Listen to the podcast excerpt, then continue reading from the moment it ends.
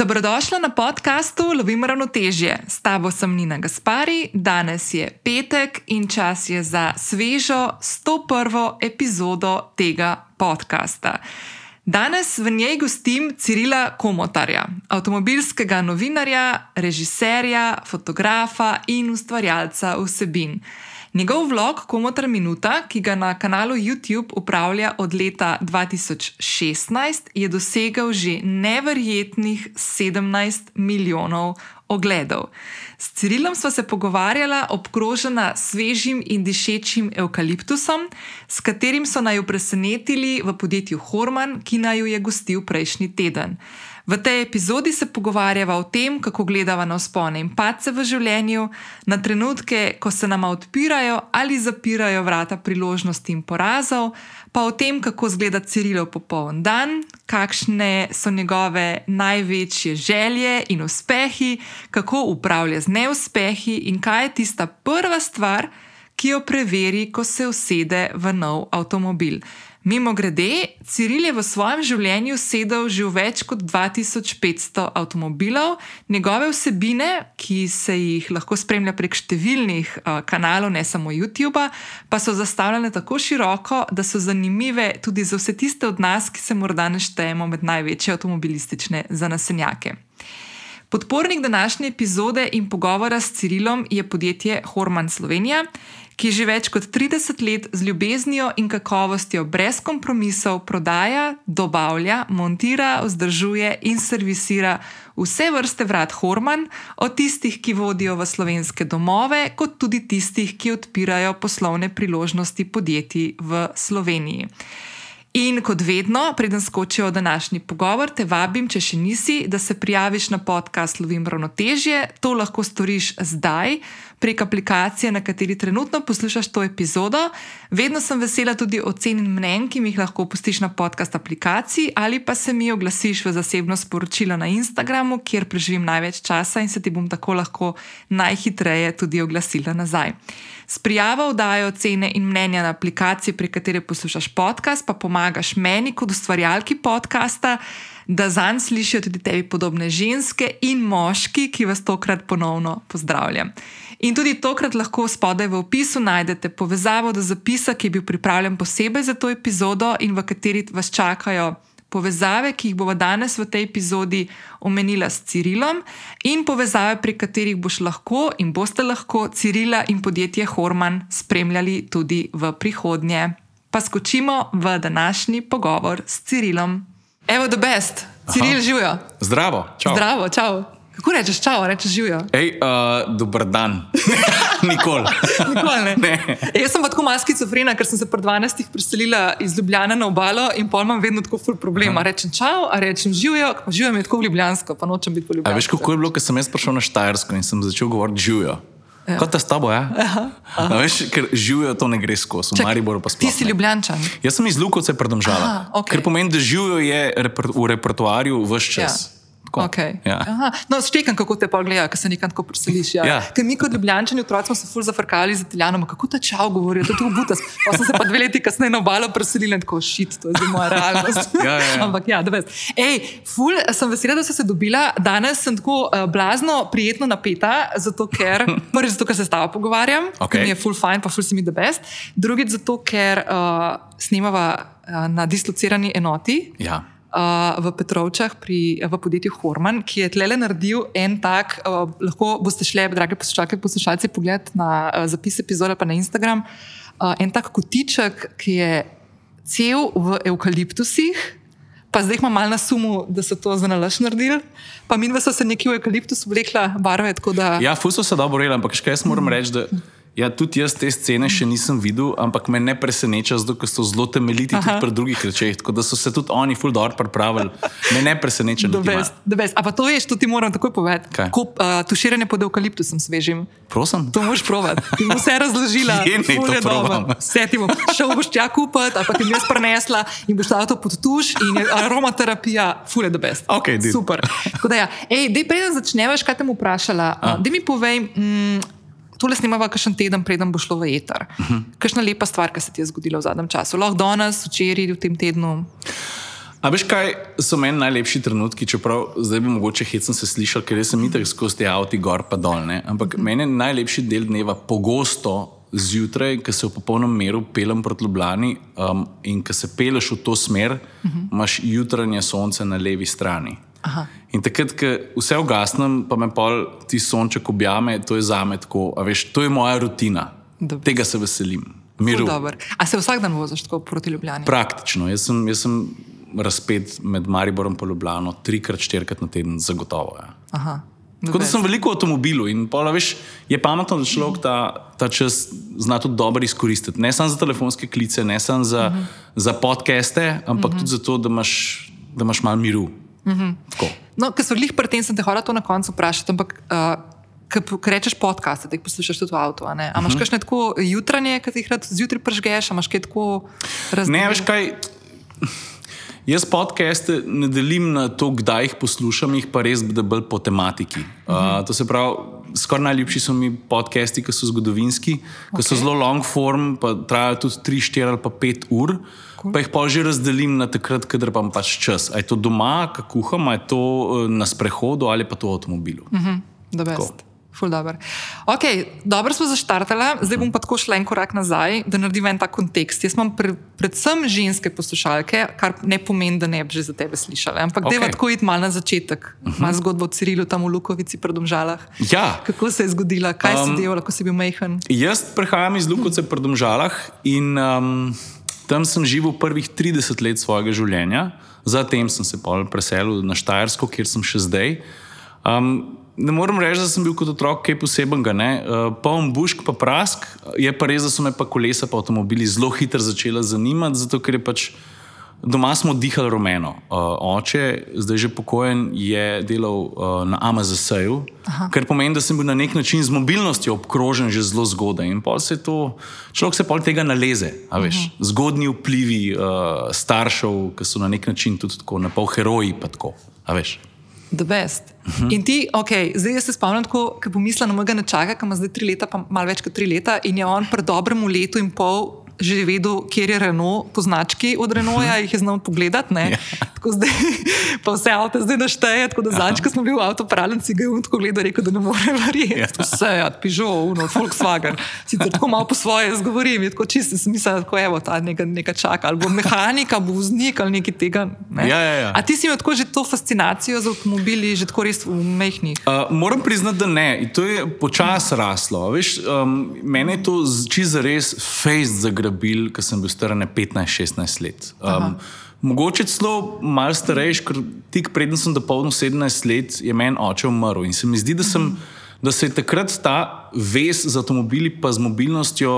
Uh, Tako dosta hitro ojačala. Pa zdaj, ko za nazaj gledam, če se ni to mogoče zgodilo tudi ali pa ravno zato, ker še dodatno nisem želel izgubiti ene vrste stika z očetom, ki sem ga imel prej, ki je bil zelo tesen. Uh -huh. A veš, da me je mogoče za to mobilnost zagrabila, pa še bolj. Uh -huh. Sploh človek, ki ti kar naenkrat ga ni poleg tebe, uh -huh. ampak dober pa veš, kaj ima pa on rad, pa s čim se je on ukvarjal. Uh -huh. pa Bog ve, zakaj se človek odloča ali pa v neko, v neko reč ali pa v, neko, v nek interes. Mogoče je pa to tudi del razloga, kaj uh -huh. povem. Ampak ti si pa šel tako v druge vode, tudi nisi sam, ni bila samo mobilnost, pa avtomobili. Ne, veš kaj, jaz sem, jaz sem počel kupenih stvari. Od tega, da sem več let uh, bratu pomagal v njegovi pizzeriji, do tega, da sem delal kupenih stvari, ki niso imeli nobene veze z avtomobili. Uh. -huh. Pa pol v tistih letih, ko sem bil zelo uspešen, faliran študent, sem se lotil različnih projektov. Ampak na koncu, ko sem bil star 23, mogoče 24, no, sem pa bolj po spletu okoliščin. Uh, se uspel prebiti do ene avtomobilske revije, uh, kjer sem pa začel se z avtomobili ukvarjati najprej, najprej polprofesionalno, pol pa tudi profesionalno. In to počnem še danes. Kaj si študiral? Uh, turizem. Jaz sem šel srednja turistična, pa pol uh, turistika tudi naprej. Okay. Ampak uh, mi nikje dosto uspel narediti. No. Glavo šel, sem imel druge. A to si šel v Portorož? Ja, ampak izreden študij v Ljubljani, takrat Aha. so bila predavanja biotehnički. Res? Uh -huh. okay. ja. Zanimivo. Ja. Čakaj, ampak si pa tudi na Siolu delal? Ja, jaz bil... sem pa na Siolu začel delati leta 2006 na začetku Aha. in sem na Siolu bil do, do konca 2016. Pravzaprav 11 let Um, sem tam bil del avtomobilskega uredništva in upravljal delo avtomobilskega novinarja, pa tudi druge reči. Veš, kaj sem vedno rad ustvaril, mhm. pa ne samo z besedami. Tudi s fotoaparatom, pa z videokamero, pred kamero, za kamero, montaža. Mhm. Veš, jaz rad ustvarjam, pa, pa na kakršen koli način. To je glavno nek proces, ki želim, da je blizu mene vse čas, ker me to na nek način pomerja. Pa tudi a veš, mi daje nek smisel v poklicnem smislu. No, mm -hmm. Pa si oli bil takrat še rumen. Si oli bil takrat še rumen. Ja. Res je. Ja. Um, kdaj se je pa komu ter minuta zgodil? Pa kako je do tega sploh prišlo? Ma čisto po naključju. No. Takrat so na Sijolu prihajali do kupenih sprememb, pa se je pa tudi budžet krčil za ustvarjanje mm -hmm. video vsebin, ki smo jih pa mi včasih zelo, zelo veliko eh, sproducirali. Um, pa pa veš, Pismo, jaz sem gledal vlogerje tako malo po svetu, pa sem nekako vedel, da sem opremljen z različnimi orodji, ki jih človek mora imeti, da začne ustvarjati vsebino. Znal sem pisati, znal sem razmišljati o vsebini, snemati videe in tako naprej. In meni je pač manjkalo tega, Seveda nisem imel nobenega načrta, da bo iz tega, postala, da bo iz tega nastala eh, poklicna karijera, da bom jaz vloger, pa da bom od tega mhm. živel. Uh mhm. -huh. Jaz sem pač, moj edini vzgib je bil, jaz bi rad nekaj ustvaril, imam razmeroma zanimiv življenjski stil, ker vse čas vozim neke zanimive avtomobile, pa veliko po tujini hodim, pa lepe stvari vidim. In ljudje okrog mene so me sprašvali, ti kje si bil, kaj si počel, kakšen je bil avto, v kakšni restauraciji si jedel, kam si letel. Uh mhm. -huh. In pa sem rekel, ti poslušaj, če se pa meni to dogaja, bi pa mogoče to lahko zabeležil. In najprej sem dejansko mislil, da bo ta komotar minuta, res dolga, eno minuto, pa sem se že prvi zlagal. Ampak tako sem začel. Jaz sem pač začel ti, bom rekel, tukaj in video dnevnik. No? Um, in na začetku sem tudi bolj malo govoril, pa, pa sem videl, da, da več povem, bolj ljudem všeč. Uh -huh. In na polovici 2016, torej pol leta preden so me na Sijolu odpustili, se je začela komotar minuta, in pa se je pa nadaljevala, ker sem bil kar naenkrat pa sam. Ja. Zdaj imamo še eno skupno točko. Ja. Da mene so tudi odpustili na enem mediju, da se šla pol na svoje. Ja, vidiš, to je blessing in disguise. Kako je grozen, takrat, ko se ti taka stvar dogaja, ne? mislim grozen, pač se moraš z njo poukvarjati. A veš kaj, včasih nimaš rad, da se kakšna vrata zaprejo. Zato, ker jaz sem bil, jaz sem bil takrat zelo rad na Sijolu in celo jaz sem želel, da komu ta minuta postane nekakšen satelit Jola. Mm -hmm. veš, tako, vse to je lahko en del, nek dodatek stvari, ki jih že počnem, mm -hmm. ekipa je bila super, pa tako naprej. Ampak tukaj sem rekel, ena vrata se zaprejo, pa se druga odprejo. In mm -hmm. to se mi zdi, pol, se mi zdela idealna priložnost za iti naprej, pa se preizkusiti na drugačen način. Mm -hmm. Tam, ko si delal na Sijolu, si rekel, da si imel tudi fajn ekipo. Ja. Pa, ko si šel pa na svoje, Je pa kako to izgleda, ta prehod? Pa si bil pa kar naenkrat, si bil, si bil začetka čist sam ali si tudi takoj potegnil kakšne ljudi, um, ki so ti pomagali ustvarjati? Ne, jaz sem bil že na začetku sam in ko sem šel s Jolo, je komu ter minuta že pol leta laufala. Ampak uh mhm. -huh. mogoče hecno, jaz sem še vedno sam. Uh mhm. -huh. Torej vsebino še vedno ustvarjam sam in še vedno jo ustvarjam na identičen način, kot sem to počel čist na začetku, kar pomeni, da načeloma vse, kar potrebujem, je telefon. Um, jaz se zavedam, da če bi ustvaril z fotoaparati, s kamerami, da bi bila slika ful boljša, pa zvok tudi, pa vse bi bilo brez pegla. Ampak meni se zdi tudi pomemben ta feeling, ki ti gledaš moj vlog, da imaš občutek, da to je pa, a veš, da ga je next door. Uh -huh. Da ni, veš, čim ti začneš vsebino peglati. Um, uh -huh se mi zdi, da postaviš eno tako bariero med tebe in tistega, ki to spremlja. Uh -huh. veš, tu je zdaj tam pa en, ki je pa tu v studiu bil, pa tu je cela uh -huh. ekipa ustvarjala. Pa se mi zdi, da so to stvari, ki so tako malo lahko potencialno moteče. Uh -huh. veš, jaz imam rad, da imaš ti ta občutek, da je pa on danes tole posnel, tole je doživel, je koliko kul, cool, zdaj sem pa lahko tudi zraven na nek način, tako da je nefiltrirano, da je surovo. Uh -huh. In zato sem ta stil tudi obdržal, od začetka pa do zdaj. No. Ne, to je ta tisto, ki se pogovarjamo o tem, kako biti avtentičen. Ja. In tisto sekundo, ki si to vprašanje postaviš, zgubiš en del te avtentičnosti. Ja, res neš peglati. A veš kaj, problem je, ker jaz se še zdaj, ko snemam vsebino, um, se kar ustavim in rečem, čak, bi jaz to res tako povedal. Uh -huh. Tako, kot bi frendu razlagal v avtu, to je moj cilj. Jaz bi to eno avto razložil, kot če bi zdaj letep, če bi šla dol, pa bi ti povedal, da je to le moj avto, pa takšen je. Uh -huh. uh, pa pa kar naenkrat neko masko nadanaš, uh -huh. pa začneš tako malo, bom rekel, malo igrati. Uh -huh. Takrat se pa pol čarovnija že zgubi. Vse, če je dobra igra, je to fajn, ampak to nisem jaz. Sam to se čuti, to ja. publika to ful čuti. Pa ti to čutiš, kad to Itak. delaš. Itak. In če ti to čutiš, hvala, da bodo tudi ljudje ja. opazili in to takoj. Uh -huh. um, ljudi pa publike pa ne smeš podcenjevati, predvsem pa. A veš, to je njihov prosti čas. Se jaz ja. vem, da se podcaste pa vloge gleda tudi v službi, ampak ej, nekdo si vzame pet minut ali pa deset minut od svojega dneva, ja. zato da ta čas menda na nek način. Ja. In veš, pa, pa čutiš eno tako veliko odgovornost, ko ne morem jaz kar neki poservirati vem, 160, 170 tisoč sledilcem. Ja. Odgovornost ja. se mi zdi. Ej, isto, isto tudi jaz, vedno, se vsakeč znova, ko začnem podcast in tudi danes, prej smo se začeli pogovarjati, je bilo v uvodu to, ful se zahvalim, ker ta pozornost do nas, ki smo natrenirani na tistih 15 sekund slote dolge, uh mhm. -huh. pa če že na minuto prelezeš, si že kar roh rečeš, wow, nekdo je pa res me potegnil noter, da si nekdo tok časa vzame, ja. ali pa eno uro, da posluša, se mi zdi to. Ful. Pa še ta specifika, veš, folk, vključno z mano, pa verjetno s tabo, ki si na internetu, tako smo ful nestrpni. Uh. -huh. A veš, zelo hitro te neki zmot, pa greš že kar naprej. Uh mhm. -huh. Tako da ne samo, da čutiš odgovornost, da bi ustvaril še vsebino, ki bo ljudi pretegnila za več kot 15 sekund. Uh mhm. -huh. To pa pa na koncu ni več lahko narediti, je pa lažje, če si pristen. To pa drži. Uh -huh. No, danes, ko tukaj sediva, ne, pa v neki si že omenjal odpiranje in zapiranje vrata. Uh -huh. Deva se malo poigrati s temi stvarmi. Ker jaz sem zadnjič, ko sem se na tole pripravljala, na najmanj pogovor sem štela, kolikrat na dan sem bila v stiku z vrati, zdaj ali da sem kljuko prijela. Ali pa, pa še vedno se tako malo zalotam, veš, kakšne kluke, ali bom z gumovcem odprla, ali bom yeah. z ja. roko odprla, kako bom to naredila, pa v stanovanju doma, pa na yeah. Ja. teraso grem, ali pa, ko se mi vrata v trgovini odprejo, ta senzorska. Yeah. Ja, tako približno stokrat na dan, če je tak dan, ki ni tako full stvari. Ja, razumem. Tako res je tega veliko. Pa, pa če še avtomobilska dodaš. Ja, ja. Najmo jaz se nasedem vsak dan v avto. Ne, ampak se, se zavedam, imaš čist prav, z vrati smo v kontaktu non-stop. Pravzaprav je to tisto, mm. dokler ne šteješ, se ti ne sanja. Ne. Zdaj si pa vrgli številko 100.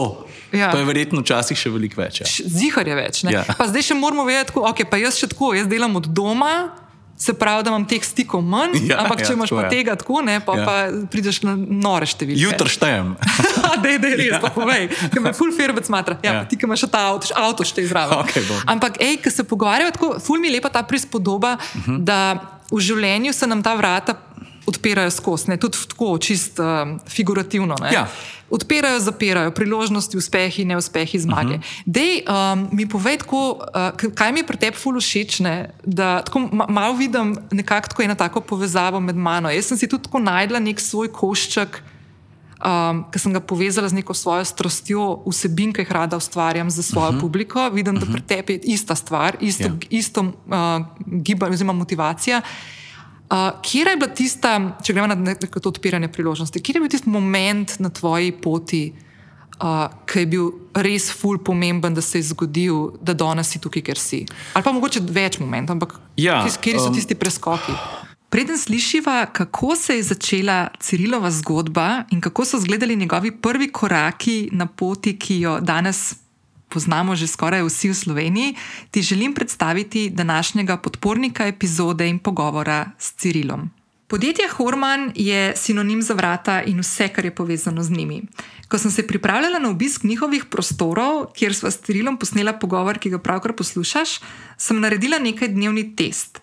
Zanimalo me je namreč, koliko krat na dan se v povprečju dotaknem vrat pa ne gre za vhodna vrata mojega doma ali pa tistih vrat, ki vodijo na mojo teraso, vrat bloka, v katerem živim, trgovine, v katero skočim na koseški tržnici v Ljubljani in ostalih, ki se mi odprejo, ko zaznajo, da stojim pred njimi. Številka je nihala nekje med 80 in 130 krat, odvisno od tega, kaj sem tisti dan počela. Vsak dan se srečamo s trenutki, ko stojimo pred vrati. Vrata odpiramo ljudem, ki jih imamo radi, nečaku, ki pride na obisk in takoj po odprtju teče po sladoledno lučko zmrzovalnik, sosedi, ki potrka, če zmanjka peki papirja, poštarju, ki prinese paket in priložnostim, da začnemo nove poslovne in osebne poti ter odnose, ki jih piše življenje. Vrata tudi zapiramo. Ob slovesu, na zadnji delovni dan v službi, zaljubljeno osebo, včasih zaradi strahu, drugič zaradi sous, tretjič v olajšanju, da se neko obdobje zaključuje. Vrata so nepogrešljiv del naših življenj. V podjetju Horman se tega zavedajo. V svoje poslanstvo so namreč zapisali, da je lepšanje slovenskih domov njihovo ključno poslanstvo, ter da svojim kupcem in strankam omogočajo kakovostne storitve brez kompromisov, bližnic ali ovinkov. Vhodna vrata, notranja vrata, garažna vrata, tista z daljinskim odpiranjem in tista klasična z lepo oblikovano kljuko, ki jo objame naša dlan, s kukalom ali brez, steklena, osvetljena, lesena. Vrata, ki vodijo v nov dom, in vrata, ki odpirajo nove poslovne prostore podjetja. Podjetje Horman živi za vrata in v ljubezni do vrat, in to že več kot 30 let. Za podjetje Horman vrata niso le izdelek, temveč zgodba, ki bo nekomu postala dom. Zato na vsakem koraku vlagajo v zadovoljstvo svojih kupcev in gradijo odnos, ki temelji na zaupanju. Za vrati Horman stoji ekipa strokovnjakov, ki z ljubeznijo do dela in vrat sledijo željam in ciljem svojih strank. Zase pravijo, da nenehno radovedno zrejo v nove izzive, se izobražujejo in krepijo svojo zatrapanost do vrat. No, svojo ljubezen do vrat so vključili tudi v ključnik Ljubimo vrata. Vsak novi stik s kupcem začnejo na nepopisanem listu, na katerega skupaj s stranko narišejo želje, pričakovanja in ideje bodočih uporabnikov. Svojim strankam so na voljo 24 ur na dan in vse dni v letu, z nasmehom na obrazu in natančnostjo pri delu. Podjetje Horman Slovenija je del svetovnega koncerna Horman, ki predstavlja sinonim za vrhunska vrata najvišje kakovosti. In s Cirilom jih bova danes do konca pogovora, ki se bo zdaj nadaljeval, odprla še kar nekaj. A veš kaj, meni men se zdi, da najbolj ključen, še danes trdim, da je bil čist, čisti začetek. Torej, da sem jaz dobil sploh priložnost um, napisati nekaj za neko revijo. A veš, to, brez tega pač se to verjetno ne bi zgodilo. Ker itak, veš, tako priti v te avtomobilsko-novinarske vode, ni kar tako, to je tako razmeroma zaprt krok ljudi, pa težko je pa kar postati del enega urodništva, ja, od kepa, sploh če nikogar ne poznaš. Ne? In jaz se spomnim, da sem bil velik avtomobilski entuzijast in v enem trenutku sem videl uh, tam blister zina en full hud športni avto in takrat sem jaz tak hobi, da sem hude avto, ki sem jih videl, da sem jih pofotografiral. Jaz sem rekel, ah, točno sem vedel, sam en tak je v Sloveniji.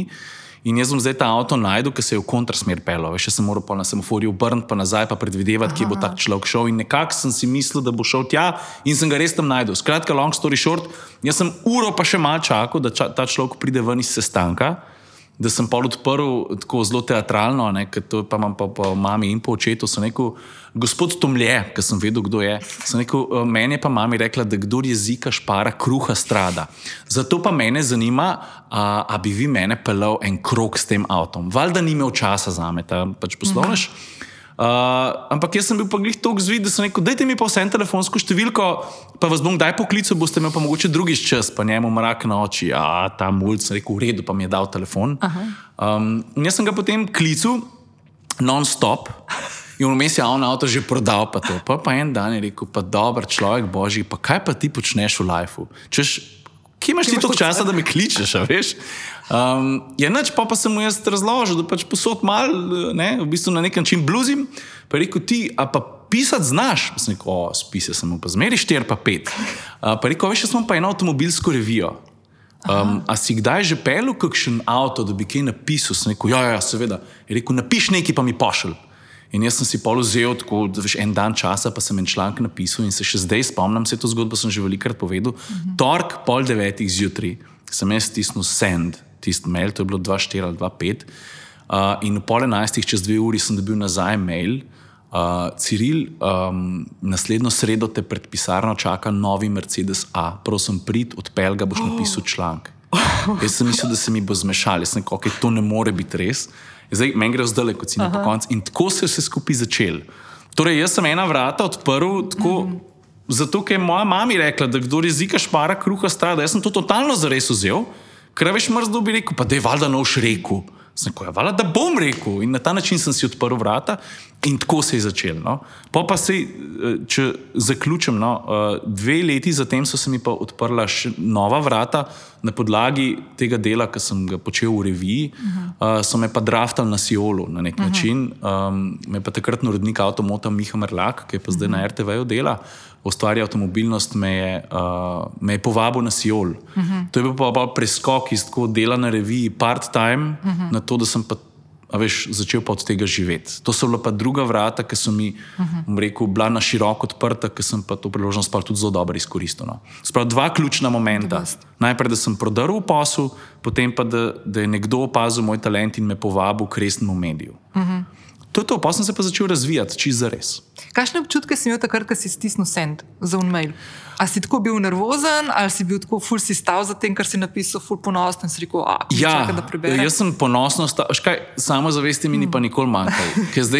Če bi šel zdaj tisto brati, bi se verjetno za glavo držal. Ampak veš, jaz sem bil prepričan v to, ja. ker vedel sem pa, da znam dobro pisati, pa vedel sem, da imam tak slog, da je razmeroma sočen. Uh -huh. um, ker tudi tisti, bom rekel, novinarji avtomobilski, ki so ki sem jih občudoval, so pisali na tak način. Uh mhm. -huh. Ne, da ti sam podaš neke suhoparne podatke. No. Uh mhm. -huh. Skratka, ker sem ne stisnil sent, sem bil poln upanja, ni bilo tako, se nič ne bo.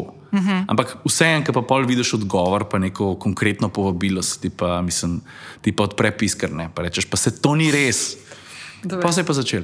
E, ampak to mi je ful, to me spomne. Veš, tako, jaz imam strica uh, Emila, ki živi v Ameriki uh -huh. in je pred, mislim, da 60 leti šel za tri tedne v Ameriko. Malo podaljšal. ja, ja, njemu čas res drugače teče.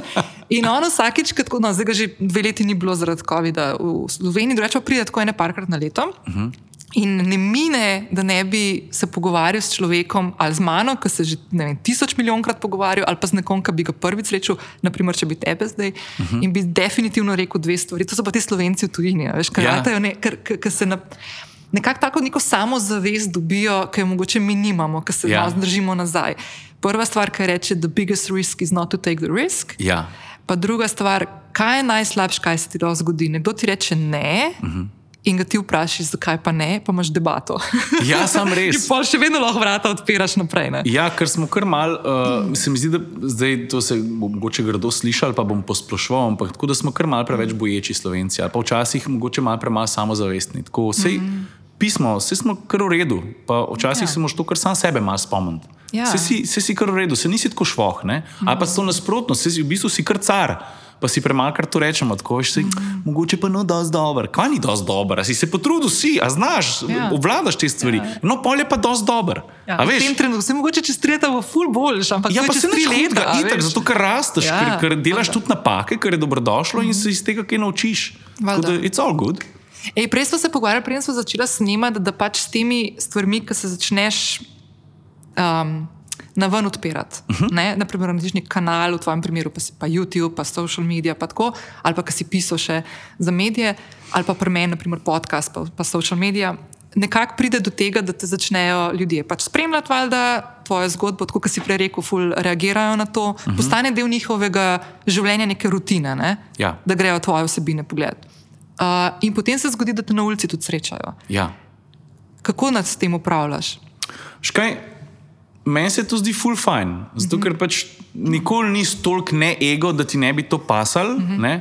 Ni to glavno zgib, zakaj to delam, ker sem tudi že kdaj koga srečal, ker se mi zdi, da dela stvari, ki so tako, bom rekel, eh, glasne na več načinov, ravno zato, ker želijo biti prepoznani. Tako, uh -huh. Ampak um, meni se ta prepoznavnost zdi, ali pa to, da me ljudje ustavijo, se mi zdi ena vrsta stranski produkt tega, uh -huh.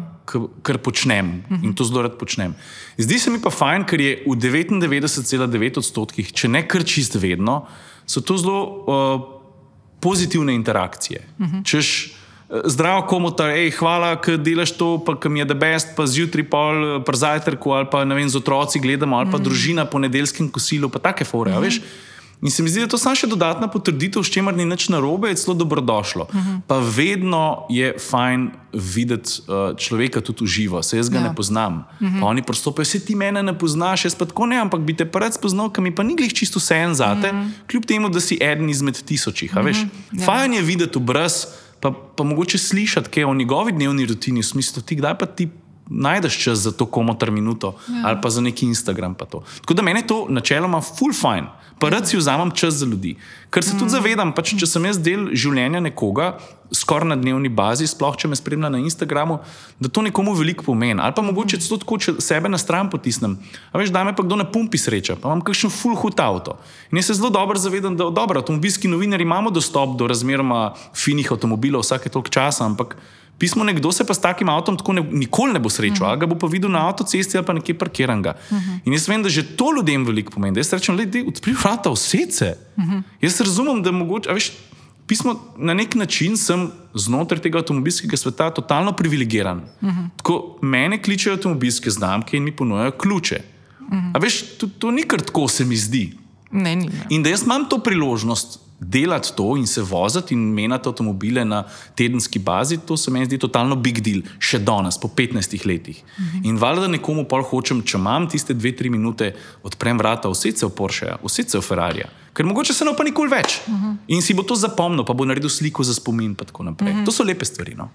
Pa tako imaš tudi, mislim, kaj sem tudi, deve, mislim, skoraj lahko rekla 100% fajn feedback, pa vse. Uh -huh. Tudi na družabnih omrežjih, ok, tam Twitter pustimo malo, pa tam imam tudi malo drugačne stvari. Keyboard kak... warriors. Exactly, veš, če se exactly. s temi ljudmi srečaš živo, exactly. so pa tako tiho kot miške. Jaz ja, se to ja, čisto ja. zavedam. Čeprav zdaj sem brala eno raziskavo, oziroma ne prebrala cele uh, povzetek, ki je en medij objavil, da to, kar mi mislimo, da te keyboard warriors, ne. Uh -huh da če ga bi na ulici srečal, ti nikoli ne bi tega rekel, kar ti na Twitterju ali pa po social medijih napiše, uh -huh. da ni čist res ne drži, da so tudi bistveno bolj agresivni in da bi lahko tudi spravili iz sebe v živo. Super, sem bila ful presenečena. Ej, se s tem drugače neč narobe. Ja. Sej, če se ti z mano ne strinjaš, pa če me nekje najdeš, da ti sem uh -huh. šapa, pa mi povej, kaj si misliš. Uh -huh. ja, Sej, ja. Veš, jaz bi pa mogoče si tudi take interakcije želel, ki bi pa hotel, hotel mogoče upravičiti svoj pogled na neki. Uh -huh. Veš, sej, sej s takimi debatami ni nič narobe. Ne, ni, ne. Sam zdaj se malo bojimo tega, pa kar malo tako. Um, a veš, tako ne znamo se pogovarjati. Ne? Ja, ja. A veš, ne? Vem, vem. Uh, da, ja. Pa veš kaj, pogovarjati se pa utemeljevati neka svoja prepričanja na podlagi 240 znakov, ali kako je že na mhm. Twitterju, 280 vse en, ali pa kjerkoli znotraj. 30 sekund na televiziji, ki ja, lahko ja. program postavlja. To je tako neč ne vala, se mi ja. zdi. Ti rabaš čas, da se z nekom pogovoriš, ja. Pa da pol, veš, predstaviš uh mhm. -huh. svoj primer, pa svoje ja, videnje. Ej, kaj narediš prvo stvar, ko se v nov avto sedeš, ko ga testiraš? Um, vzamem si čas, zato uh -huh. da mhm. probam ga nekako dojeti na, na tak način, da veš. Jaz sem se še zelo velikokrat v, v nov avto usedel, ki ga nisem mm -hmm. še nikoli prepel. Pel sem jih že čez 2500. In tam ta prvi moment se mi zdi ključen mm -hmm. na nek način, da ti vzpostaviš, jaz vem, da se bo to ful svet slišal. Ampak, da ga začutiš. Ja, da vzpostaviš ja. odnos z njim. Mm -hmm. jaz, jaz probujem avto gledati tako celostno. To se pravi, da se zavedam, da ne glede na to, ali je Rolls Royce ali pa uh, neka dača za 11.000 evrov, da za tem delom, uh, da je z razlogom takšna. -hmm. in da za tem delom, delom stoji tisoče inženirjev, ki so se zelo trudili, da so tak avto mm -hmm. naredili, mm -hmm. ki je potem lahko na voljo za 11 tisoč, se pa cena avto pa dobro narediti, to ni tako. Mm -hmm. Tako da si pa vsakmo avto dam, eh, pokažem na tak način že neko spoštovanje, da si vzamem čas, pa da ga v miru uh, zaužijem. Kako uh, zgleda feeling materiali. Mm -hmm. Pa se pa začneš voziti in živeti z njim, da lahko kaj poveš. E, kako pa, pa, pa ti, okay, to je služben del. Uh -huh. Pa, pa, ki se ti odločiš, da znaš za sebe avto zbral. Uh -huh. Ker zdaj, na primer, ti jaz povedala, kako sem jaz zadnji avto zbrala. no, jaz imam jože tako, pri Lukovici, ja. v žalah živi. Ja. In je mehanik, ja. drugače dela kot grobar na žalah. Čez dan, res ne. Dobro, zgodba že zdaj. Ful, je. Ful je kralj. No, in jaz sem hotel avto zamenjati in sem rekel, jože, najd mi avto. Tok imam budžeta, uh -huh. hočem, da je črn, lahko je tudi bel. Pa ful hočem, da lahko svoj iPhone gor preklopim, da lahko podcaste poslušala, pa da bo zvočniki dobri. Ja. No, to so bile moje stvari. um, to sploh ni tako nenavadno, kar si zdaj rekla. Ne, ampak se vsak ima neke svoje fore. Nekomu je avto, sem pač. Sam ne se dobro pele, dokler imam denarja, ja, pa da lahko podcaste poslušam. Nekdo pa meni še isto vse, sam kufr nema 500 litrov. Um, jaz sem imel mogoče mal, mal večji problem, ker ogromno stvari vemo o avtomobilih in pa vsak mu z nami izpostaviti pluse in minuse. Ampak, veš, na koncu dneva, um, na konc dneva se moraš pa v avtu dobro počutiti. Um, jaz sem pač, se res ne vem, zdaj primerno ali ne. Jaz sem se odločil za tisto Toyota RAV4, zato ker sem avto pelil kot novinar na prvi vožnji v tujini, že pa pošel v Sloveniji, smo ga testirali tri mesece, atmosferci. Um, in se mi je avto prekupil. Uh -huh. uh, in sem vedel, da si želim po 15 letih ponovno kupiti avto, tudi zato, da kdaj od testnih avtomobilov uh, naredim malo prediha. Uh -huh. Ker, veš, vse testni avtomobili so full fine, ampak vsakeč, ki ti si sposodiš nek avtomobil, to je, moraš nekaj nazaj dati, moraš ustvariti vsebino. Včasih bi pred sam pač šel na dopust in ne razmišljal, da moraš test na avto še poslikati. Uh -huh. Pa pa če si vsebinc, tako začneš razmišljati, da bo čim bolj, pa to, pa da bo na plaži, uh -huh. to, to, to, to. pa pa kar nekaj tri dni od dopusta porabiš to, da delaš ja. vsebino. Jaz pa tega nisem hotel. Uh -huh. In zato sem si kupil svoj avto. Pa veš, včasih, ki še en test na avto se pa tudi pokvar, pa pri nazaj uh -huh. mal butnen, pa uh -huh. nisem hotel brez biti. Uh -huh. veš, je pa treba vseeno otroka, da je kampelat. A veš, pa je fajn, da imaš avto. kaj se zgodi, če bi brez avta ostal? Ja, Zato ja, res ja. že. Ej, kako ima, da je to z osebinami, to, to se pa ful poistoveten s tabo. Kaj pa, kaj pa narediš, naprimer, če se ti zgodi, da imaš, ne vem, ali pa dobiš en avto, pa ga totalno ne začutiš, pa ne vem. Ne moreš sproducirati vsebino v nekem trenutku, ki bi jo mogel, pa težko še en deadline, mogoče zaradi kakšnega sodelovanja stiska. Kaj pa to se ne zgodi. Uh, Ne. ne, zato ker se mi zdi, da kadarkoli. Ja, veš, se, ena avto je ful lažje, ali pa eno vsebino je ful lažje narediti. Se veš, ena vsebina se kar sama naredi. Mm -hmm. Zato, ker mogoče si ti mal bolj navezan na produkt, na zgodbo, na nekaj. Lažje mm -hmm. napišeš, lažje posnamaš, lažje ustvariš. Mm -hmm. uh, v primeru pa, da se pa jaz z avtom ne pokonektam, ne vem koliko, takrat se pa pač postavim nazaj v vlogo novinarja mm -hmm. in objektivno pristopam k plusom in minusom in pač posnamam. Vse govoriti pa pač znam. Mm -hmm. Tako da veš. Ne vem, pa se mi zdi, da kar vedno znam najti osebino. Mm -hmm. no? A veš, da je toliko manj kilometrine že, da tudi če bi mi postavila pred eno ogromno sivo steno brez avtomobila, sem prepričan, da bi lahko ustvaril nekaj. Mm -hmm. Takrat se na to naslonim, na rutino pa na izkušnje, mm -hmm. čeprav ne rad. Mm -hmm. Veš, Ja, ja, ved, vedno rad najdem nek navdih, ki je uh, posebej vezan na nek avto ali pa nek dogodek. Pa tako. Kera cesta v Sloveniji ti najbolj všeč? Ta Maribor Ljubljana. uh, ne, prazna. Prazna. Ali pa katera koli. Pa se ne voziš po. Danes, ko sem se z Lukatom, uh, tonskim mojstrom, tle, ki stoji za tabo, pelala proti uh, Štajerskim, uh -huh. so se začela v enem momentu pogovarjati o tem, kako je primorska avtocesta tečna ratala. Uh -huh. Ja. Kako so krajni zastoji, brede se reče fantomski zastoji, ne, da se Ja. zgodijo, pa se pa nič tam ni zgodilo dejansko. Ker ko prideš do tja, ni nič. Nič ni. Tako, zakaj smo mi zdaj stali? ni nič. Ja. Um, ja, veš kaj je Ja. promet, to je kot živ organizem, ne? kaj je ena Ja. gosenca, veš, kaj se razteguje, pa ne bomo še zdaj preveč užvali. Ne, ampak je to ful dobra stvar, Ja. ker ljudje raz- ne veš, ne razumeš, kaj se zgodi, pa vedno kaj? na istih koncih. Ja, ker je, ker je verižna reakcija. Nekdo Mhm. -huh. zavre in upočasni samo za 3 km, ampak uh -huh. un za njim pa že za 5 km. Mhm. -huh. pač, a veš, to je butterfly efekt. Nekdo uh Mhm. -huh. mogoče samo nogo zgasa, spusti pa še tjakobu uh -huh. in zato bo 7 km nazaj pri krtini in ratala gužva čez 12 minut pa pol. Uh -huh. Ej, in, Noro. in to je to. Drugače pa, kje ceste so mi najbolj všeč. Um, Slovenija ima veliko čudovitih cest. Se bi zdaj lahko rekel, ja, pa pejte malo na kras, pa v prekmurju je tudi ful lepo. Ampak jaz sem dejansko najraje imam prazno cesto, pa kjerkoli je. Um, in to je to. Ne pa to je avtocesta, naprimer. ali so- Ne, ali ne, avtocesta je tako brezosebna, se mi zdi. Mm. A veš, Ja. kakršna koli cesta, ki je mogoče vsaj malo zavita. V vinkih, v vinkih sem rad. Ja. A, ok, ok, okay cool. uh, Deva še mogoče, uh, ker ste se prej pogovarjali bolj o takih plusih, ne, uh Mhm. -huh. stvarih, ki so se dogajale. Kaj pa je kakšna taka, ki bi lahko rekel, da so se ti kakšne stvari ali priložnosti podrle, ali pa so se ti kakšna vrata zaprla, ki si imel tako pričakovanja? Kako Ja. to, kaj pa, a se ti je kaj takega zgodilo? Pa ni treba tako, če nočeš, ni treba nekaj konkretno povedati, ampak Ne. samo kako te stvari doživljaš, kako s tem upravljaš. A veš, dobro, zdaj, kaj so zdaj zaprta vrata? A je to, lej, Vse, če se malo vrnemo nazaj, ne? na Sijolu so se mi zaprla vrata, ne? pa sem se zelo neprijetno počutil, zato ker sem imel občutek, da pripadam. In ta občutek je ful močen. In potem se je to pač nekako skrhalo, in kar naenkrat nisem več pripadal, ali sem pa jaz to pripadnost celo čutil, ampak nisem bil več dobrodošel. Um, to me je mogoče malo zmotilo. Drugače pa. Veš, veliko enih konkretnih neuspehov se ti zgodi v življenju na splošno, sploh če veliko delaš. Uh -huh. A veš, zdaj, kaj so zaprta vrata? A je to tudi uh, mogoče na področju vezi človeških, ali so to prijateljske, družinske, uh -huh. zakonske vezi? Um, če ti imaš neko službo, kjer se ti veliko dogaja, je včasih zelo težko črto potegniti, pa se malo ustaviti, pa umiriti. Uh -huh. In to pol vpliva na človeške odnose tudi. a ne.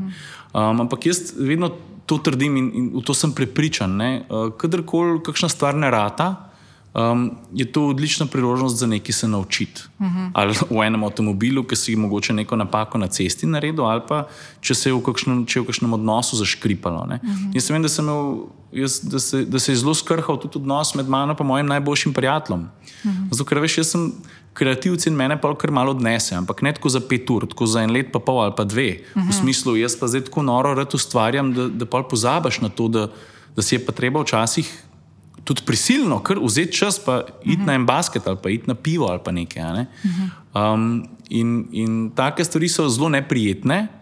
Je pa toliko bolj pomemben, da so ljudi na drugi strani, ki so potencialno lahko prizadeti, recimo moj najboljši prijatelj v tem primeru, da ti znajo gledalo nastaviti. Uh -huh. Pa ti reči, alo, stari. A ti veš, da če bo šlo tako naprej še pol leta, mi dva ne bova več ne samo najboljša prijatelja, bova se kar nehala družiti. Um, a veš, to je tudi na nek način tako, nekdo ti nakaže, da bo zaprl vrata. Pa se pa kar malo strašiš, pa se ustaviš, rečeš, a ja, se res, pa se takrat pa vprašaš, um, tako, kaj je čist res pomembno v življenju. Kaj, veš, za čem se jaz zdaj ženem, ne? kaj je pa zdaj uspeh? Ali je uspeh to, da sem poslovno ful uspešen, ali je uspeh to, da, sem, da znam poslovno uspešnost izkoristiti, da si mogoče kje druge um, na film baterije, pa da je tisti večji uspeh, uh mhm. -huh. da si znaš čas vzeti, pa biti frej. Pa imaš občutek, da to znaš. Ma veš kaj, jaz ne vem, jaz tako malo žongliram s tem, uh -huh. z, z službo, s poslom, z ustvarjanjem, pa s prijatelji, pa z družinskimi člani. Se mi zdi, da postajamo vse boljši, ko uh -huh. vse manjkrat mi žogca pade na tla. Uh -huh. Ampak se mi zdi, da če veliko delaš, če živiš življenje na polno, da pač vedno kdaj žogca na tla pade.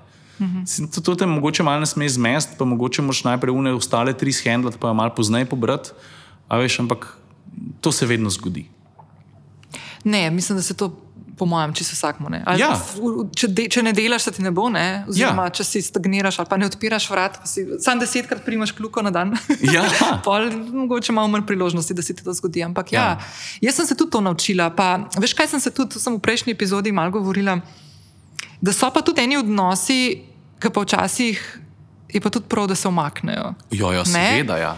Uh, to sem v prejšnji, prejšnji epizodi govorila o tem, kako sem postavila vprašanje. Veš, kako veš, um, da v nek odnos vlagaš, pa kdaj je tisti trenutek, ko rečeš, da zdaj pa mi preveč energije jemlje, ne morem več. Ne?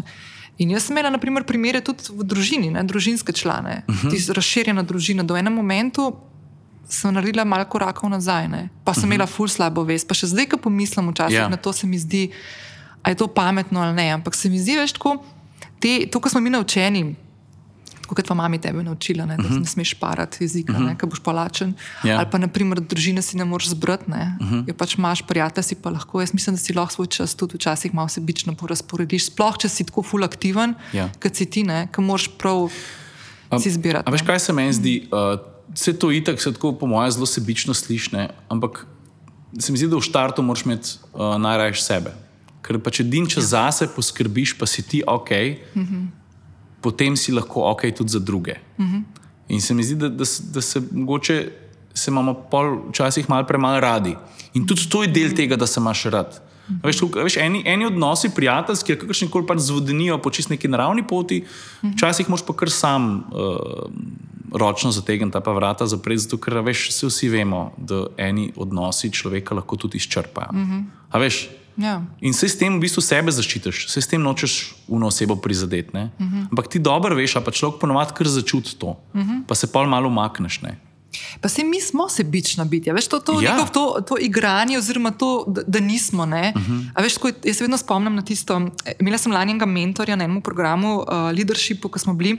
In je rekel, da je ženo začel hoditi pred 20 uh -huh. leti, zdaj ste že več kot 20 let poročena. Da je rekel, jaz bom najprej zase poskrbel. To se moraš takoj zavedati. Tako kot na ja. letalu. Yeah. Najprej yeah. moraš cep masko na obraz, še lepo yeah. Ja. otroku. Ker če jaz ne bom ok, ne bo noben okrog mene ok. Ne bom mogel nič dati. Ne? Ja, se jaz sem, jaz, veš, zdaj, ki za nazaj razmišljam, se jaz sem mhm. -huh. v življenju naredil razmeroma velik ali pa. Sem delal tudi sebične poteze, ampak so se načeloma, pol čez čas, uh -huh. veš, kaj ene stvari zahtevajo svoj čas. Uh -huh so se pokazale za dobre. Uh -huh. Je pa to težko včasih narediti. Uh -huh. Ampak vedno pol izhajam iz tega, da če jaz ne bom ok, pol ne morem biti dober prijatelj, ne morem biti uspešen v službi, ne morem biti dober oče, uh -huh. ne morem biti dober partner in tako uh -huh. naprej. Tako da ja, se sebičnostjo ni v bistvu čist nič narobe. Ne. Ja. Uh, danes si že omenil gospoda Tomljeta, sem si zapomnil. Ja. Je on eden od ljudi, ki tep, naprimer, on je definitivno eden od ljudi, ki tep vrata odprl. Um, ampak si pa tudi ti človek, ki vrata drugim odpiraš tvojim. Za vamcem, za, za, tab, uh -huh. za namcem, za vamcem, kako se zdaj to reče. Ja, Tem, ki prihajajo, ki prihajajo za tabo in se nekako želijo ukvarjati s podobnimi rečmi. Ja. Pa mogoče niti ne s podobnimi. Pač, veš, ljudje, ljudje počnemo vse živo. Uh -huh. uh, uh, polni smo uh, uh, nekih projektov, pa želja, pa ambicij, in tako naprej. In meni se zdi to ključno, da jaz ne pozabim, da nekdo je en, enemu mulcu, komotarju odprl vrata. Uh -huh. A veš, kaj pa bi jaz brez teh odprtih vrat? Mm -hmm. Verjetno ne bi bil tam, kjer sem danes, ali pa mogoče kaj čist redga počel. Mm -hmm. In zato se mi zdi to ful, ful pomemben. Mm -hmm. Ker se mi zdi, da včasih, ko nekdo ko naleti na poslovno, pa kakšen koli drug uspeh, da pa sam piči, pa zdaj pa mi je čisto vse za vse ostale. Mm -hmm. Jaz pa vidim, da, da to je na nek način tudi dvosmeren tok. Meni mm -hmm. pa ogromen pomen, da če jaz naredim nekaj, kar meni zelo malo časa pa energije vzame mogoče izpostavim nekoga na svoji spletni strani, ki se mi zdi, da dobro dela, uh -huh. meni je to vzelo točno 32 sekund uh -huh. ali pa mogoče 5 minut, ne, da ne bom pretiraval. Um, nekomu je pa to ne samo polepšal dan, ampak celo spremenil življenje. Uh -huh. Zdaj, čist konkreten primer, uh -huh. bom probil zelo na hitro povedati. Um, Zdaj, časa imamo ful. Aha, ful.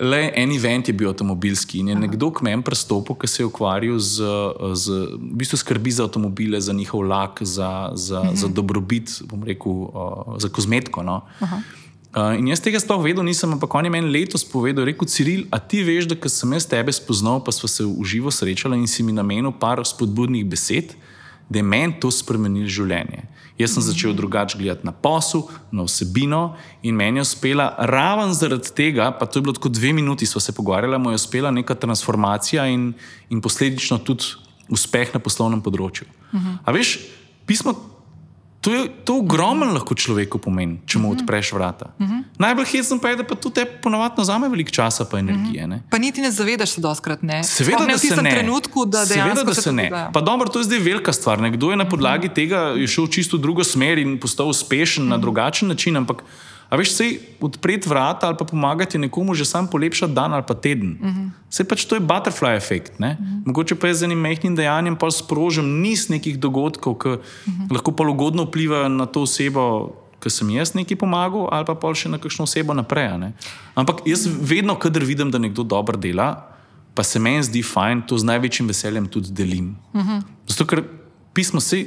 A ni fajn, če imamo še več dobrih stvari za pogledati, pa za, za videti, pa se kaj naučiti. No. Mislim, trik je ful v tem, da ljudje, k, če, če, če mislimo, da bomo srečni, zadovoljni, takrat, ko bomo mi uspešni, uh -huh. tudi če delamo tisto, kar nas veseli in smo strastni do tega, ni to do, dovolj. Uh -huh. Smisel leži tudi v tem, da ti vključuješ noter.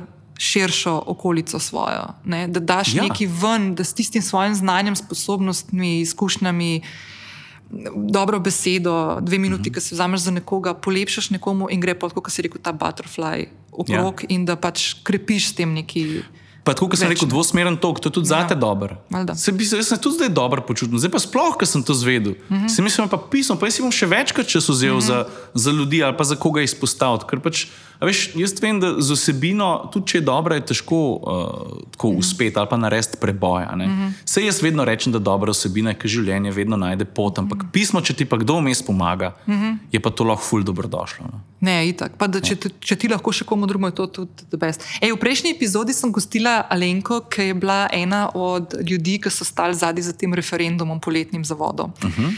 In so se pogovarjali o tem, kaj lahko vsak od nas naredi naredi neko lepšo okolico, življenje sebi in pač uh -huh. tvojim bližnjim. A veš, pa tako ful razmišljamo, vedno, sploh pomislila nisem, ko sem se z njo pogovarjala, da bi lahko bilo tako enostavno. Ker vedno, ko gledaš neke vis, velike stvari, a veš, ko, a veš, a zdaj mogo pa, ne vem, referendum organizirati, ja, ja, ključ ja. stvari, projekte. Pa je rekla, le, ja, veš, klopco vidiš, ki je pokvarjena pred blokom, uh -huh. ne vem, zrušena. Dej, poglej, je mogoče v bloku kdo, ki ima kaj, kakšen kladiv ali pa kaj, ja, veš, Ja. pa, pol, pa skupaj stopiš, pa popraviš, pa družiš se, a veš, ljudi Ja. se sploh več ne družimo, sploh mi, ki živimo v mestih, pa to ne. Ja. Veš, take mehne stvari so lahko ful. Pa lahko so ful še veliko manjše. Veš, Še manj. sem se jaz zelo to, da delam zadnje čase. Se, se, um, jaz, uh, pa ne sem, če sem doma ali pa da je to nek moj prostor, ampak jaz, jaz smeti po tleh poberam.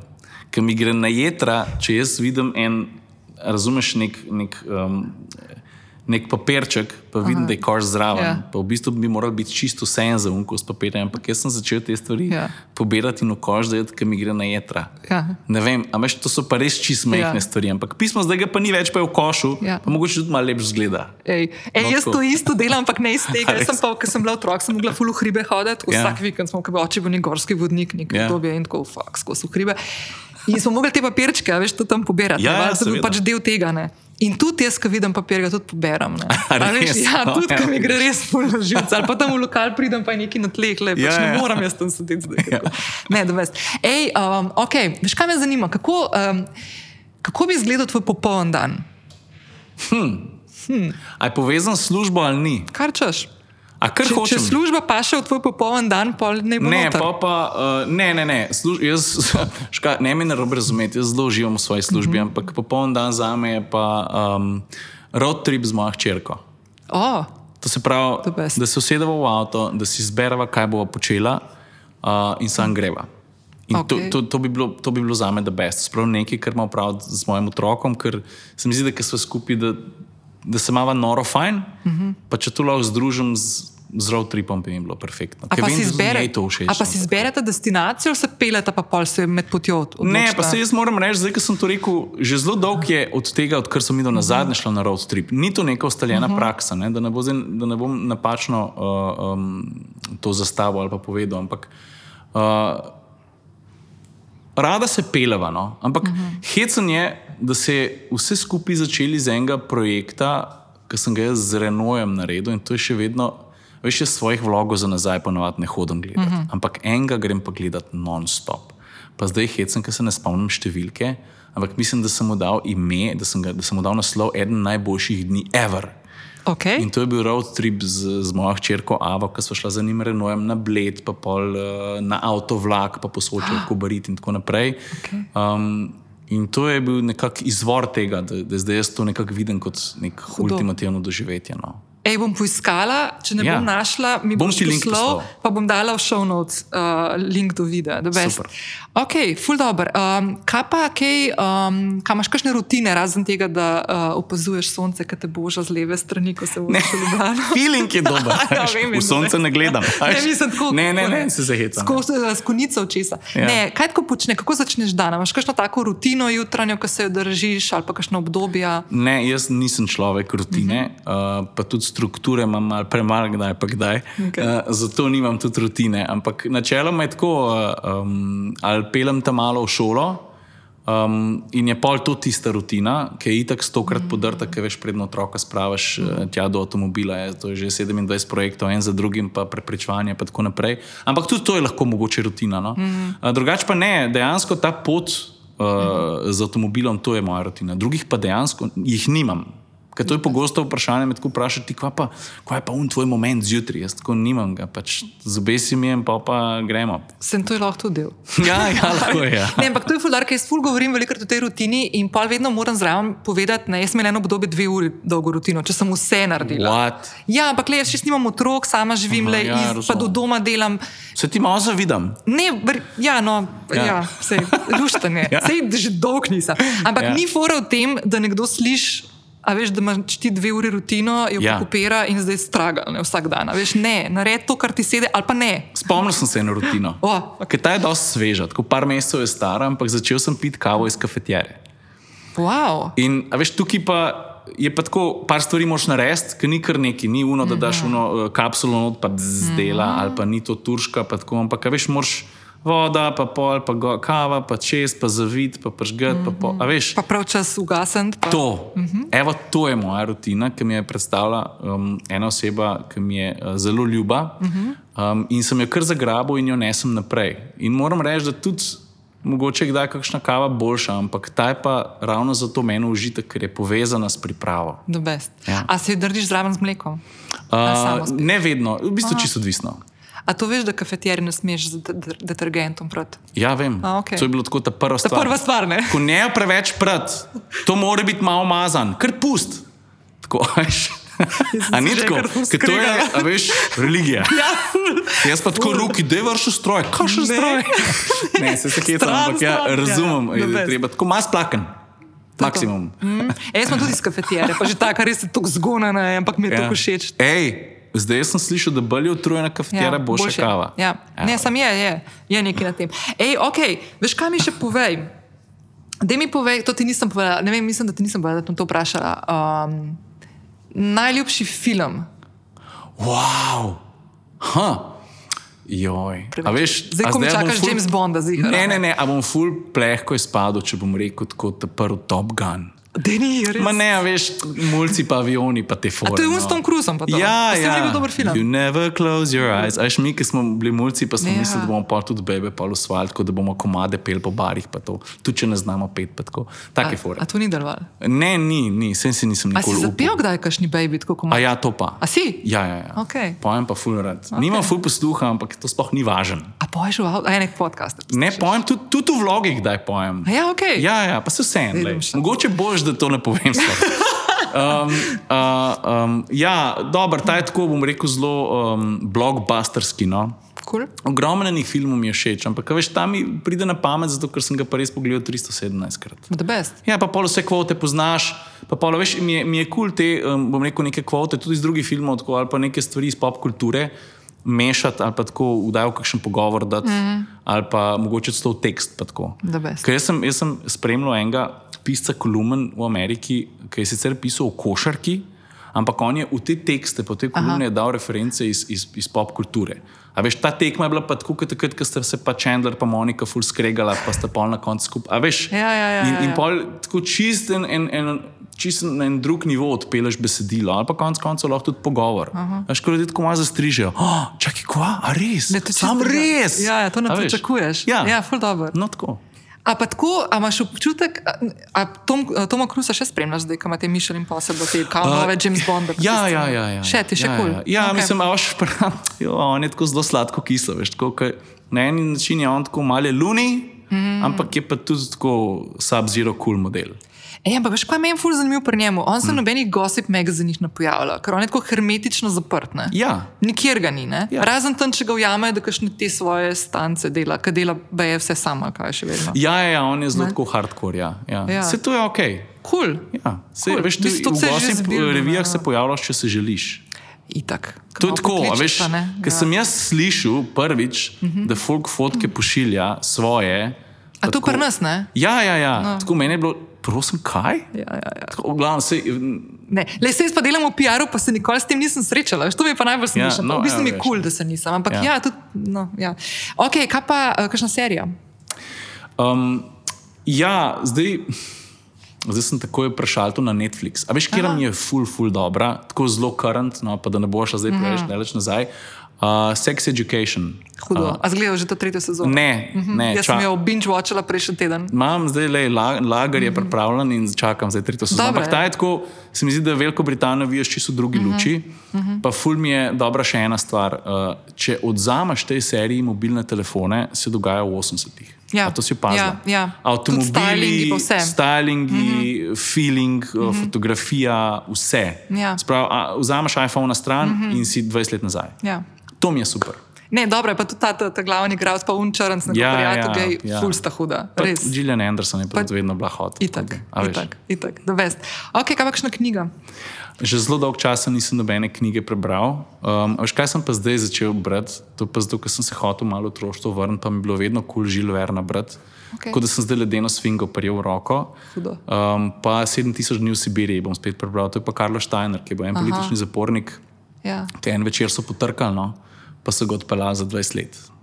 Uh, Glavno to, no, to so se zdaj tako na prvo žogo spomnil. Če ki pa podcaste si rekel, da te zgodovinske, kjer so pa tvoji najljubši? Tako? Uh, Dan Carlin uh, je pač en zgodovinski podcaster, ki ima tako zelo long form zadeve. Uh, to, pa pol History on Fire je še en uh -huh. uh, zgodovinski podcast. Drugač pa mogoče, recimo Joe Rogana tudi zelo veliko poslušam, ravno zato, ker ima ljudi iz vseh aspektov človeškega. Uh -huh. Tako, a veš, detektiv, astronaut, stand-up komik, igralec, uh, nek freedom fighter. Vse. Uh -huh. In se mi zdi, da pač bolj gledam raznolikost kot pa tematiko. Uh -huh. To se pravi, da hočemo ujeti ljudi iz, iz sto različnih. Uh, Uh, bom rekel, okolje, uh -huh. način razmišljanja, in tako naprej. No. Ej, ful, dobro, ker sem tega prej omenila, tudi za te pogovore, kako jih vodi ta Dex Shepard, Armchair Expert. Super, si bom poslušal, ja, da mi moš poslati. Uh, ti bom poslala to, ful, do, pa tudi na Spotifyju, ja, on je tako uh -huh. karogan, veš, ja, šel ja. eksplozivno gor. Uh -huh. uh, tako da ima ful, zanimive goste, pa ful, dober fura, pa tak, on je tak ful ranljiv, ful pove, kako je on za furu, kakšne stvari v življenju. Pa tako je tak človeški. Ej, tega drugače čist dost premalno. Sploh jaz... moški.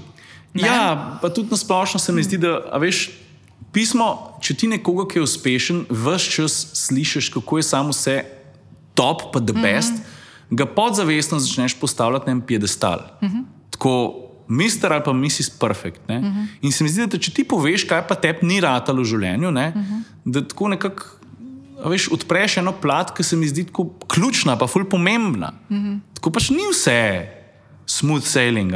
So stvari v življenju, ki te fest premaknejo, mm -hmm. pa te vržejo po tleh, pa ne moreš kar tako ostati. Mm -hmm. In takrat, ko pa drugo plat slišiš, se pa tudi sam boš počutiš. Ker vedno so iz, izzivi, vedno so težave. In pismo, če pa ima nekdo, ki je tak car, mm take probleme, pa mu je uspelo pismo, vala, da bom tudi jaz to zrihtel. Mm. Če pa nekdo sam vse super fura, pa tako pa dobro, pa zakaj pa se meni zdaj te stvari dogajajo. Mm -hmm. ja, Zato se mi zdi pomembno o tem govoriti. Ful se moramo o tem pogovarjati, ja. se strinjam. Uh, kje dobiš informacije, dnevne, kam uh, hodiš gledati? A veš, kva, uh, Twitter, okay. pa še vedno um, RTV Slovenija, Sijol cool. in tako. Veš, to, to. Ja. Ni, ja. ni, z druge spletne strani, mogoče vsak tu časa, kakšne tuje, no? uh -huh. ampak načeloma pa kar Twitter, čeprav Twitter brez obveščanja o stvarih, ki so, mi, ki so zelo nišne, basket uh -huh. tako naprej. No? Uh -huh. Ampak ja, Twitter pa pač par slovenskih spletnih strani, da cit. Cool. Televizije pa ne gledam. Skoraj noč. No. Jaz tudi ne. A imaš sploh preklopljeno? Ja, ja, imam, imam, imam, ampak pismo tako sem se odvadil. No. A veš, kot tudi kot cel dan si filam glavo prek telefona z različnimi novicami, pa tako. Mm.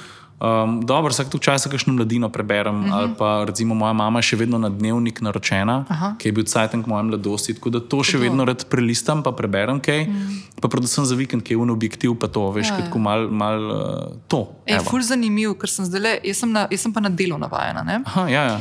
In sem zdaj začela zadnj, čez poletje, ob sobotah kupovati dnevnik, uh mhm. -huh. pa večer. Ja. In ima ta oba ful dobre priloge, priloge in doskrat boljše, kot ja. delo, sorry delo. Pa veš, kaj imam zdaj, sem še opazila, a si že en ena, ki je začel gledati? Ne, nisem. No, oni imajo pa ob sobotah zjutraj poglobljeno rubrike uh mhm. -huh. in prekašajo z vsebinami, po mojem, tudi priloge tiskane. A res? Ful moje hude teme. Super, bom počakal. Res, pa niso te veš ti klikbajterski naslovi. Ja, ja, ja, vem. Joj. Ful, ful dober portal je. Ja. Pa zdaj le par mesecev, hud. Super, bom pogledal. Ja, Je to, je to, mislim, jaz bi se lahko še pogovarjal. Ampak... Ja, se mi zdi, da nam kar dobro gre. Bo še ponovila. Kaj? Ja, jaz sem za. Ej, ful, dobro, ej, cilj, hvala ti. Uh, to je to, jaz po mojem sem zdaj tudi, ko sem vozila čist drugače vozila v avtu, pa no, bom mogoče še kakšno drugo stvar pogledala. Nastavi lice soncu. Ja, bom, ja, ja, ja. Pa ne sem levo, tudi kakšno desno. Ja, ja. ja, ja, bom, bom, hvala. Ej, lepo bodi, hvala, ker si vzel čas. Hvala, ker si me povabila. Z veseljem.